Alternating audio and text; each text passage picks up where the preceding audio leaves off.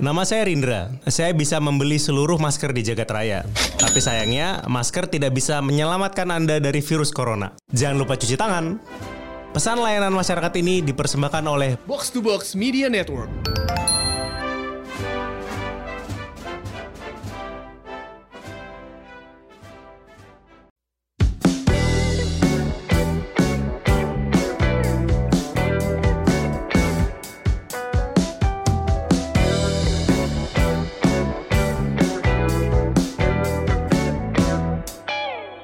Hai guys, welcome back. Ini dia Semur. Sehat dan Makmur.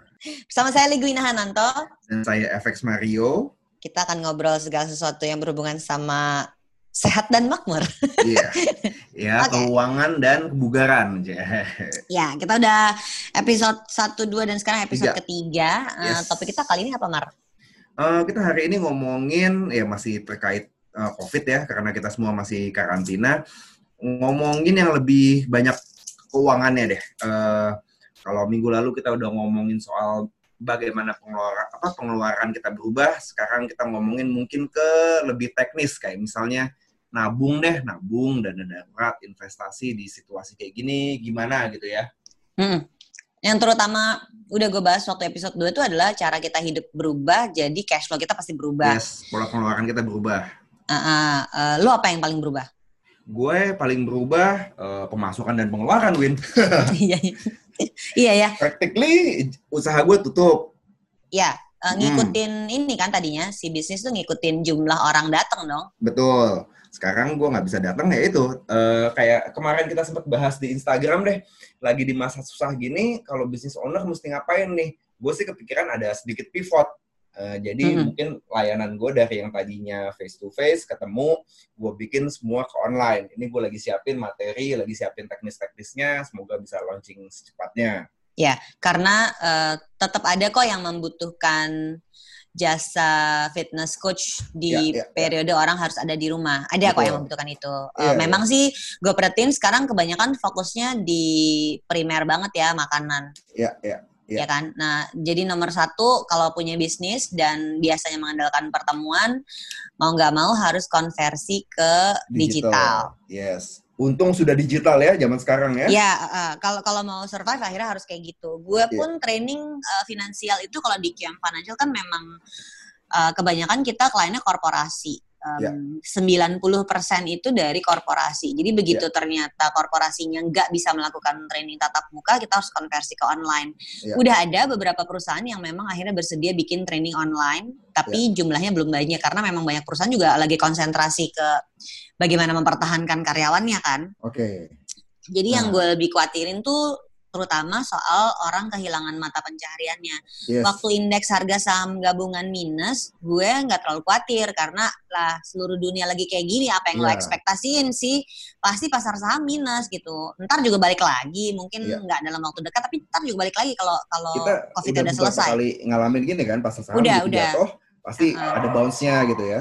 Mm-mm, tapi si em, orang kehilangan pencarian itu direct impact-nya ke kemampuan orang untuk beli hal-hal yang primer bayar cicilan rumah, Hmm, makan, hmm. bayar kos-kosan yang kayak gitu-gitu. Jadi Nah. gue terutama dari sisi cash flow tuh khawatirin itu.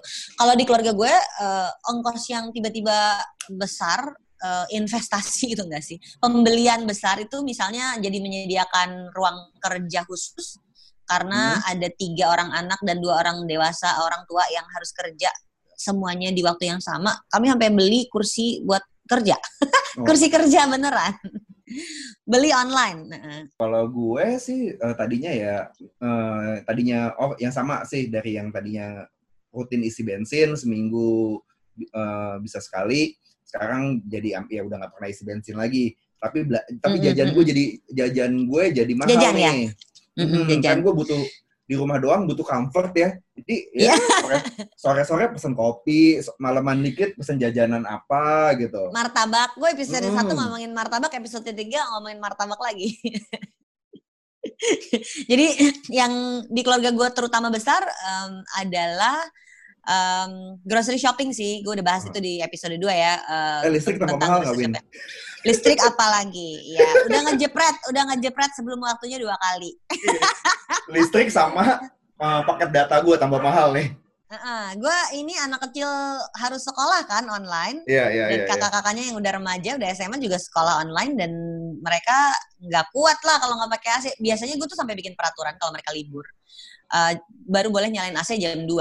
Oke. Terus gue kepanasan kan gue harus harus ngajar online dan gue Ah. keringetan. Nggak bisa gue ngajar keringetan dong. Jadi nyalain lah gue AC gue nyalain AC jam 10 pagi mereka protes ya jadi cash flow cash flow pasti berubah Eh, di di episode yang kedua tuh kita udah sempat bikin challenge ya Um, ayo um, salah satu challenge-nya tuh semur challenge-nya adalah hitung pengeluaran lo sebelum dan Hmm. sesudah perbedaannya kayak apa supaya kita benar-benar bisa tahu kalau memang lu bilang jajan lebih banyak apakah itu membuat penge- pengeluaran lifestyle lebih besar belum tentu mari kita Karena ada pos angkanya lain yang berkurang gitu kan. ada pos lain yang berkurang iya ya itu Nah. itu yang ber- berubah Itu kan kalau asumsi kita penghasilan kita masih sama nih Win ya. Mm-mm. Eh, penghasilan kita sama. Tapi kan ini masa sulit bisa aja orang-orang eh, berkurang penghasilannya. Mungkin Mm-mm. eh, ada yang sekian persen, ada yang mungkin drastis sampai nggak punya penghasilan. Kalau di financial planning, gue ingat dulu ada yang namanya dana darurat. Apakah Ya, ini betul. saatnya kita mencairkan dana darurat, Win? Ya ini adalah saatnya untuk beberapa orang udah harus gue nyebutnya aktivasi dana darurat loh. Jadi dana darurat itu adalah sejumlah uang yang kita simpen di produk yang sangat liquid dan risikonya rendah. Ya. Makanya waktu indeks harga saham gabungan minus, uh, gue portofolio ada yang udah sampai minus 40% kemarin ada teman gue yang ngomong kayak gitu. Aha. Harusnya lu punya dana darurat juga gitu. Jadi Hmm. ketika kita punya dana darurat misalnya nih ya, kalau uangnya 100 nih, dana daruratnya 30, berarti kan yang minus itu yang ada di saham 70 nih. Yang 70-nya. Ah, si 70 ini minus 50% aja tinggal 35 dong. Iya, iya. Tapi uang lo yang 100 tuh nggak jadi setengah kan? Karena Iya, dana darurat lo si yang 30 30 nih. nggak berubah. Jadi lu sekarang Iya. punya 30 dana darurat, saham 35. Jadi lu punya Iya. 65. Itu Iya. nggak nggak 50% lo turunnya. Iya. Ini Iya, yang kita sering lupa bahwa dana darurat itu fungsinya terutama saat kita kehilangan pekerjaan, tapi fungsi yang lain adalah menjadi kayak balancing untuk portfolio kita. Dia yang Iya. jagain supaya uh, return itu nggak jeblok terlalu jauh.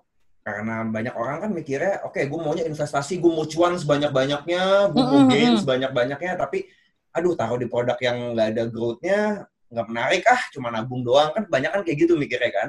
Tapi Iya. ternyata di masa-masa seperti ini dia kepake, Ewin ya. Financial planning itu justru bukan cuman waktu pasar lagi bullish dong. Yes, Financial yes, yes. planning itu harusnya selalu mengikuti kita di kesempatan apa pun. Waktu kita baru lulus kuliah, waktu kita mulai kerja, waktu kita lagi jadi naik naik posisi Newlyweds. promoted, newlyweds, Ah, punya anak, punya punya anak, rumah, anak gede. menikahkan anak, anak udah Ah. gede, udah pensiun, Iya. eh, lagi periode COVID atau tidak, financial planningnya ikut terus. Jadi jangan Iya. berpikir kalau financial planning itu tentang investasi, investasi, investasi. Justru Yes. ternyata ada seperti dana darurat ini yang untuk banyak orang sangat membantu. Gue kemarin ada curhatan dari temen gue, gue jadi di Instagram tuh lagi bikin curhat bisnis, terutama khawatirnya kan kalau perusahaan-perusahaan besar memberhentikan karyawan itu biasanya ngikutin peraturan pemerintah Iya. ya ada ketentuan ketenaga kerjaan yang dia ikutin ada BPJS ketenaga kerjaan yang bisa Ah. dirilis ada pesangon yang bisa diturunin Iya. ada dana pensiun yang bisa dicairin Iya. kalau perusahaan-perusahaan kecil boro-boro jadi gue kemarin tuh khawatir banget gue sampai harus detox medsos tau nggak saking gue stres mikirin ini Hmm. gue memikirkan mereka yang bisnisnya nggak terlalu besar jadi UMKM kalau sampai dia kehilangan omset dia nggak bisa kasih makan karyawannya maka dia Ya. harus pecat semua karyawannya dirumahkan istilahnya tapi nggak ada support apa-apa lu bayangin berapa banyak orang yang nggak bisa makan gara-gara kayak gini nah ada teman gue yang punya salon salon itu kan termasuk salah satu yang berhenti operasi total dong Iya, karena yang ngandelin ketemu muka orang, gitu kan. Lu nggak bisa digital muka. salon. iya Lu nggak bisa digital memotong rambut. nggak bisa persis makanya Eh, gue sampai Jadi- potong rambut sendiri lo, Win. Eh gue kemarin berpikir akan ada berapa banyak bapak-bapak yang jadi gondrong gara-gara nggak ke barbershop. Gue beli clipper, gue coba potong sendiri. Aduh, pitak-pitak. Akhirnya gue minta tolong istri gue, potongin dong, rapihin. Ya udah, mendingan ya udah botak aja deh gue. Oh, ada teman gue mau sidik juga udah pitak sebelah gara-gara sama istrinya dibantingin rambut. Ya gitu, Iya. gitu kan. Jadi ada Eh, teman gue em, si Martin yang punya barbershop di mall di Kelapa Gading. Aha. Selama ini masih buka, selama ini ma- selama lagi mulai periode social distancing, physical distancing tuh dia masih buka. Tapi kan eh, kemudian di minggu ketiga mall pada tutup ya. Iya, iya. begitu mau tutup ya barbershop dia harus tutup dan sejak Hmm. itu dia terpaksa merumahkan karyawan yang terus gue tanya Ya. jadinya gimana ya karyawan kita minta tidak pulang karena khawatir karyawan yang banyak misalnya asal Garut kalau mereka pulang terus bawa virus kasihan juga keluarga yang di Ya. sana jadi ya apa yang lo lakukan? Ya gue harus support Masih- lah supaya karyawan gue tetap Iya, gajian walaupun potong gaji karena nggak kerja tapi uang makan kita sediain dia bilang gitu. Oke. ada teman gue lagi punya salon gede dia punya punya 12 atau 13 cabang gitu ya. Itu tutup total semuanya Mar. Hmm, hmm, hmm. gue tanya lu gimana? Dan jawaban dia adalah gini off sampai lebaran. Sampai lebaran Mar. Dua bulan lagi ya. Ya artinya kan jangan berpikir ini akan selesai minggu depan udah ada Ya. bisnis yang udah deh gue tutup aja sampai lebaran terus orang sebanyak itu karyawan ada 200 lu kasih makannya gimana oh gue gelontorin dana darurat pribadi dia bilang gitu jadi bisnisnya ada sebagian cash tapi nggak cukup Aha. dia sampai harus gelontorin dana darurat. Jadi pengalaman gue, kalau lu punya dana darurat yang bagus, ketika ada gempa bumi, gonjang-ganjing di keuangan bisnis dan keuangan pribadi, lu tuh akan baik-baik aja karena jadi lu bisa fokus ke problemnya. Karena problem keuangan itu bisa dialihkan ke dana darurat ini. Hmm. Udah ada beberapa temen yang udahlah kita udah nggak usah ngomongin profit dia bilang gitu. Kita ngomongin cash flow aja. Yang penting gue punya duit untuk kasih makan karyawan gue sampai bulan apa. Semuanya udah ngomongin kasih napas buatan. Ini itulah kenapa dana darurat jadi penting. Semua yang bilang bisa kasih nafas buatan itu adalah yang pada punya dana darurat. Jadi kalau kita mau bilang, ayo kita mulai mengumpulkan dana darurat sekarang, agak berat ya karena dana darurat Agak berat sekarang karena ini berarti kan saatnya kita aktivasi Justru dan sekarang darurat itu aktivasi ya. dana daruratnya, iya. Tapi tadi kan gue bilang, ayo kita mulai ngitung Mm-mm. pengeluaran kita tuh jadi berubah nih. Mungkin aja kalau pengeluaran lu selama ini 5 juta, ternyata setelah dihitung-hitung sekarang nggak 5 juta, sekarang jadi cuma tinggal tiga setengah. Iya. Berarti harusnya nabung lu bisa lebih banyak. Siapa tahu ya, kan ini beda-beda tiap orang kan. Personal Iya. finance is very personal, seperti juga personal fitness is very personal. Yes. Eh, nggak bisa potong eh, rata semuanya. Tapi coba hitung, Heeh. apakah lu memang ada bagian kayak lu jadinya nggak beli bensin? Ya udah itu yang lu tabungin angka uang Hmm. bensin lu yang lu tabungin. Lu biasanya nonton, angka nonton lu yang lu tabungin. Bisa juga kalau karyawan yang mungkin kena eh, di apa work from home lalu ada pengurangan gaji, lu mesti hitung ulang nih. Tadinya eh, mungkin eh, dengan pengurangan gaji lu nggak cukup nih buat transport ke kantor. Tapi ternyata karena lu di rumah Hmm. doang jadi bisa survive eh, karena di rumah doang nggak keluar eh, transport. Tapi pengurangan gajinya lagi nggak gitu berasa gitu dong ya Ben ya. Di- dihitung ulang Ya, dengan pemasukan Itulah kenapa berapa. si hitung ulangnya yang paling penting dilakukan pertama. Jadi Ya. misalnya gini, misalnya lu punya uang 15 juta buat dana darurat tiga Hmm. bulan. Jadi 5 juta kali tiga kali biaya hidup gitu. Setelah Ya. dihitung-hitung ternyata dengan di rumah aja pengeluaran lu jadi tinggal 3 juta misalnya. Ya. Oh berarti uang 15 juta itu tidak untuk tiga bulan dong, bisa lu pakai Iya, untuk lima bulan. lima Itulah bulan. kenapa lu punya napas buatan sekarang udah Hmm, bisa hmm, hmm, diperpanjang ekstra dua bulan. Hmm. kenapa ini perlu dilakukan semua orang? Karena kita nggak tahu si perusahaannya, si UMKM-nya sanggup untuk kasih napas buatan buat karyawannya berapa bulan. Tapi paling nggak jadi gini, kalau lu punya tiga bulan, perusahaan lu punya tiga bulan, lu bisa makan enam bulan gitu loh. enam bulan. Iya, iya. iya. Uh-uh. Jadi jadi perusahaan pun perlu bicara sama karyawan untuk bahas kita sanggup untuk bertahan tanpa penghasilan selama sekian bulan, tapi Iya. sesudah itu kalian juga harus siap-siap mau nggak mau sebagai Mau pemilik nggak bisnis mau, harus iya. ngomong kayak gitu. Gue gue udah udah ngomong sama tim gue.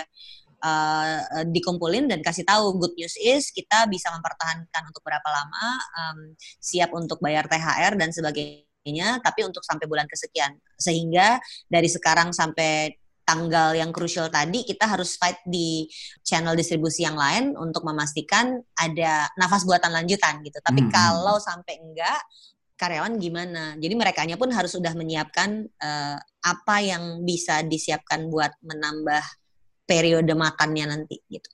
Ya, ya. Itu kan dari sisi business owner. Kalau dari Mm-mm. sisi karyawan tadi selain menghitung ulang, apa nih menurut lu yang kira-kira bisa dihemat atau eh, dikurangin? Kan mungkin oke tadi mungkin transport berkurang ya kita nggak jalan ke kantor, eh, Mm-mm. tapi mungkin listrik naik. Ada hal-hal tips-tips lain nggak Win kira-kira yang bisa di-tweak deh?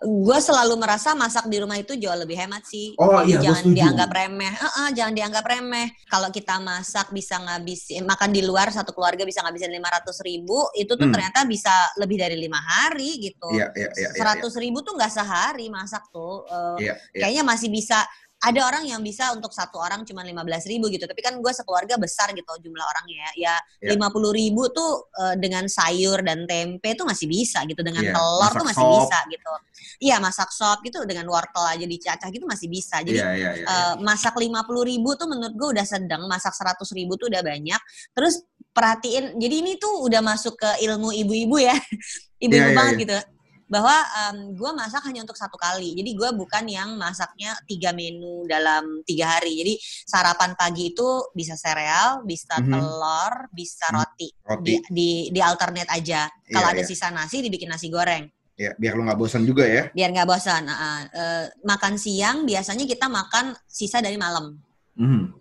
Gitu. Karena kadang makan siang tuh semuanya sibuk jadi gantian aja makannya. Oh ternyata si ayahnya Hmm. Lagi- ada meeting jam 12 sibuk, eh, adiknya belum selesai conference call makan nggak nggak bareng bisa sendiri-sendiri. Tapi makan malam kita maunya bareng. Uh, dan mertua gue sekarang udah pindah ke rumah gue juga karena kemarin mertua gue tuh tinggal sendirian di Bogor kami khawatir kalau Aha. tahu-tahu diisolasi gitu antara Jakarta Bogor tidak boleh ada traffic nanti si mama sendirian. Jadi sekarang mertua Oh, gue juga Mas udah tinggal ah mama mama suami gue. Jadi udah tinggal sama kita juga. Jadi sekarang makan itu berenam di meja makan. Jadi gue selalu berusaha makan malamnya yang fresh. Jadi Mhm. masak itu hanya untuk makan malam. Itu pun masak paling dua macam plus satu kuah. Jadi nggak nggak banyak banyak sama Mbak tapi- juga. sama mbak juga. Eh, jadi Hmm. bertujuh sama si mbak. Jadi dengan makanan sebanyak seperti itu itu sisanya yang dimakan buat besok siang. Hmm. tinggal nambah-nambahin apalah kalau kalau kurang buat siang. Jadi ternyata masak dengan teknik seperti itu hematnya banyak banget mar Ya, jadi masak banyak sekalian ya. Heeh, jadi grocery shopping gue yang udah gue Nah. lakukan itu eh, ngeluarin bahan makanan itu nggak cepet habis juga Ya, gitu ya, karena kan ya, ya, ya. um, gue juga menghindari kita panic buying dan stock up terlalu banyak itu kan nggak sehat juga ya. Iya, Eh, iya. Kesannya lu bisa makan tetangga lu nggak makan habis itu gara-gara Iya. lu habisin bahan makanannya gitu. Nggak perlu selalu masak makanan kayak makanan instan atau eh, makanan Iya iya itu kalengan penting gitu juga. kan. Heeh. Iya. Order delivery masih gue lakukan, eh, bahkan beberapa kali kita belinya di warung yang kita nggak kenal, tapi dikasih aja ke ojolnya supaya Iya. dalam rangka berbagi gitu ya kan. Iya, eh, iya. Kemarin sempat ada gerakan kayak gitu.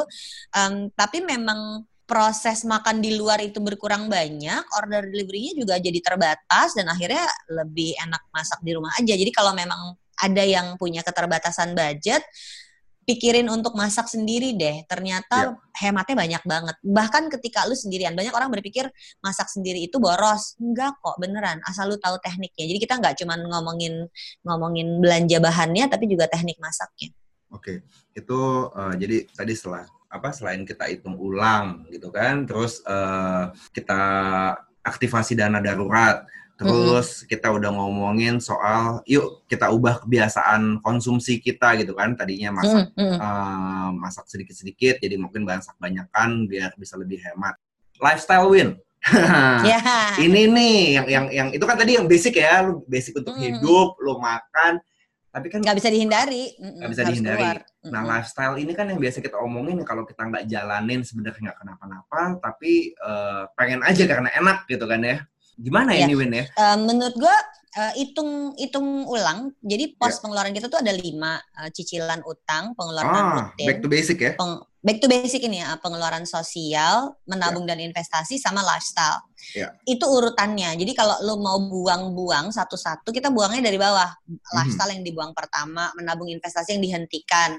Terus sosial yang diberhentiin, nggak nolong orang dulu karena yang penting bisa mampu bayar cicilan utang dan sanggup makan Yes. makan sama bayar listrik jangan sampai listrik nggak bisa nyala kan nah ini dulu yang Hmm. duluan jadi kalau sampai kondisi keuangan memburuk sangat parah apalagi tidak punya penghasilan yang kita pertahankan cuma dua sebenarnya cicilan Hmm. sama pengeluaran rutin Rutin. tapi kalau misalnya setelah lu hitung-hitung oh ternyata gue bisa hemat lifestyle gue bisa eh, sosial gue bisa eh, menabung dan investasi sekarang pun mungkin menabung dan investasinya hanya untuk dana darurat gitu misalnya supaya Ya. kalau sampai nanti memburuk gue punya pegangan si lifestyle ini masih boleh kok dan masih gue lihat memang masih dikerjakan cuman memang polanya berubah ada geng teman-teman gue yang sekarang bener-bener jadi main game dan beli game Oh iya, bener-bener beli beli game ini jadi mahal bang. Eh, eh, jadi apa?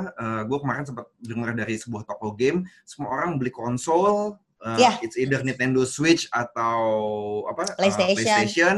Mm-mm. Eh, terus harga game juga makin naik karena dolar makin mahal gitu kan. Iya, hitungnya dolarnya naik, harganya dolar. lebih mahal. heeh. Ya, ya tapi Dan orang eh, beli dan dan game beli. sekarang kan bisa main rame-rame. Iya. main Ah, jadi Animal or- Crossing kan. Animal Crossing, iya everybody's playing it. Lucu banget. Iya. Aduh. Di rumah gue tinggal gue yang belum punya rumah. Oke. Kalau gue mainnya banyak kan di PlayStation, gue nggak betah main di Switch soalnya. Ini ini anak gue sama laki gue sibuk sama Animal Crossing tiap hari. Dia udah Oke. bisa punya sajadah di rumahnya. Oke. Lucu banget deh. Ada bayar ada bayar KPR juga di Animal Crossing kata temen Yo gue. iya, lucu banget. Jadi jadi memang ada perubahan cara hidup kan gue tadi bilang perubahan cara hidup itu akan mempengaruhi perubahan pengeluaran kita. Lu mungkin Iya, nggak iya. pergi nonton tapi jadinya langganan, Langganan streaming. Netflix. Heeh. Ah, ah, jadi ke Netflix. Terus bosan Netflix terus. Sekarang gue punya Amazon, Prime Amazon. juga dong. Mohon Demi maaf. Star Trek ya, Win? Ah, demi Star Trek. Udah itu udah habis sekarang mati gaya mau diapain? Iya, iya. tapi tapi jadinya kan jadinya kan nggak nonton keluar nonton di rumah gitu jadi Iya, sebenarnya sebenarnya nggak nggak nggak berhenti total tapi, Tapi memang ada polanya perubahan iya nggak makan di luar lu delivery gitu kan jadi Iya. memang tetap ada yang kasihan tuh sebetulnya adalah bisnis-bisnis yang memang em, jadinya tuh kayak kebutuhan yang tersier banget dan Tersier. nggak nggak nggak direct impact ke cara hidup baru ini misalnya Mhm. gua nggak butuh kerudung baru loh Iya. gua nggak butuh baju baru loh, gua nggak Iya. butuh sepatu baru loh. Nah, Iya. jadi fashion industry itu salah satu yang hit the hardest, Hmm. berat banget. Jadi udah beberapa teman-teman gue yang beli dong. Skincare masih pakai karena dia Aha. merasa harus merawat diri. Tapi Iya, iya. lo nggak perlu baju baru gitu loh. Ya, Lo karena lu baju nggak keluar-keluar. nggak- karena lo gak ketemu orang. Jadi Iya. apa bisnis-bisnis yang tidak membutuhkan ketemu orang, dia yang akan kena hit the hardest. Uh, Hmm. event organizer hit the hardest, fashion Hmm. industry hit the hardest. Oh, Jadi itu kalau buat efeknya gue- panjang loh. Gue lihat event organizer canceling, Iya. efeknya ke pedagang bunga, ke ven, apa ke vendor-vendor misalnya Vendor-vendornya. alat-alatnya. Heeh.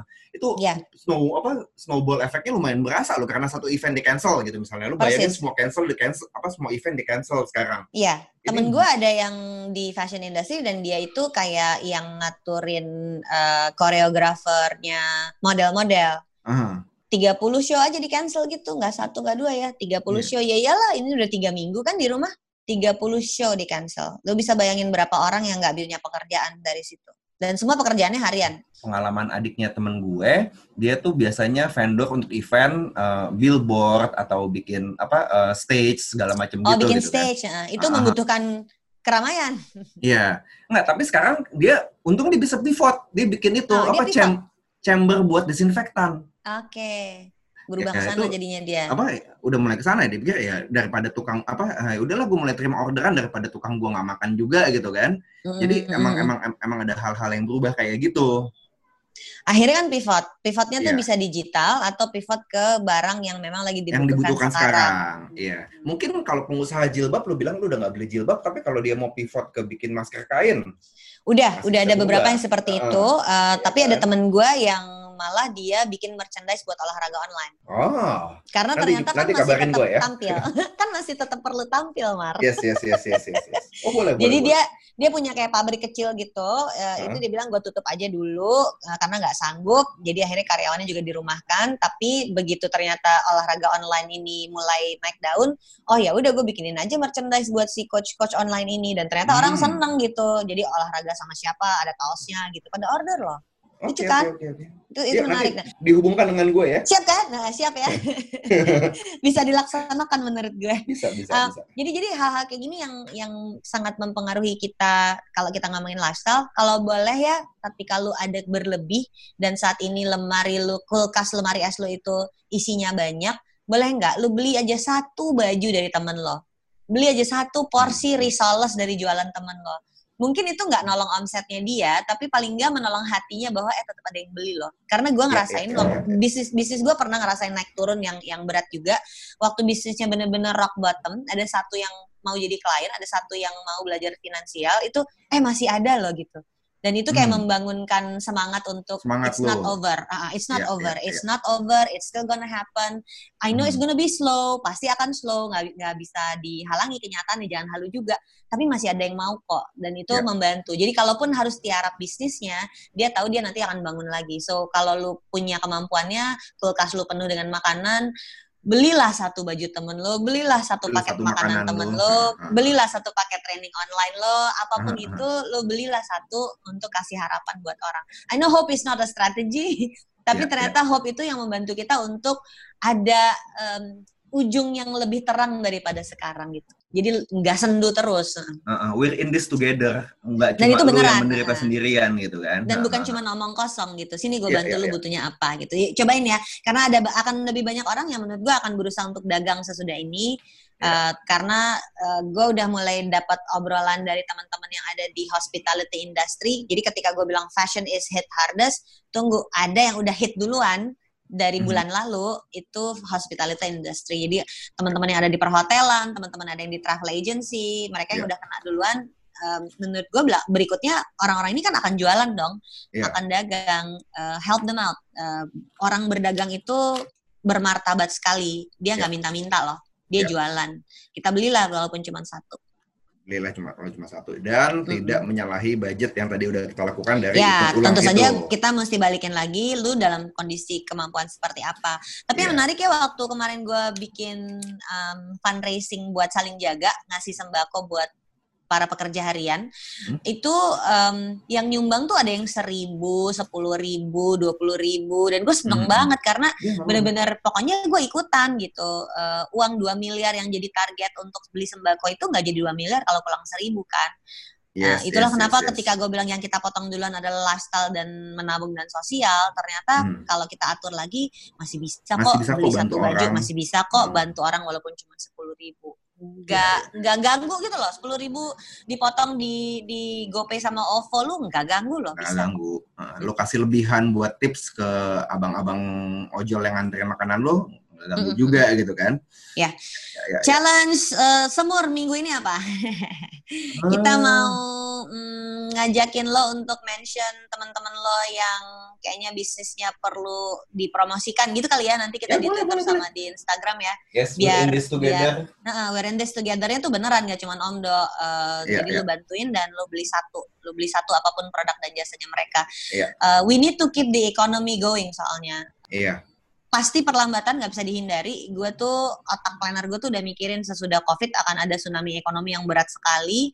Apakah akan ada krisis? Nggak bisa terhindari yang namanya ekonomi perlambatan ekonomi. Ya udah kita kontribusilah dengan mempas- memastikan ada satu produk dan jasa yang kita beli walaupun cuma sedikit.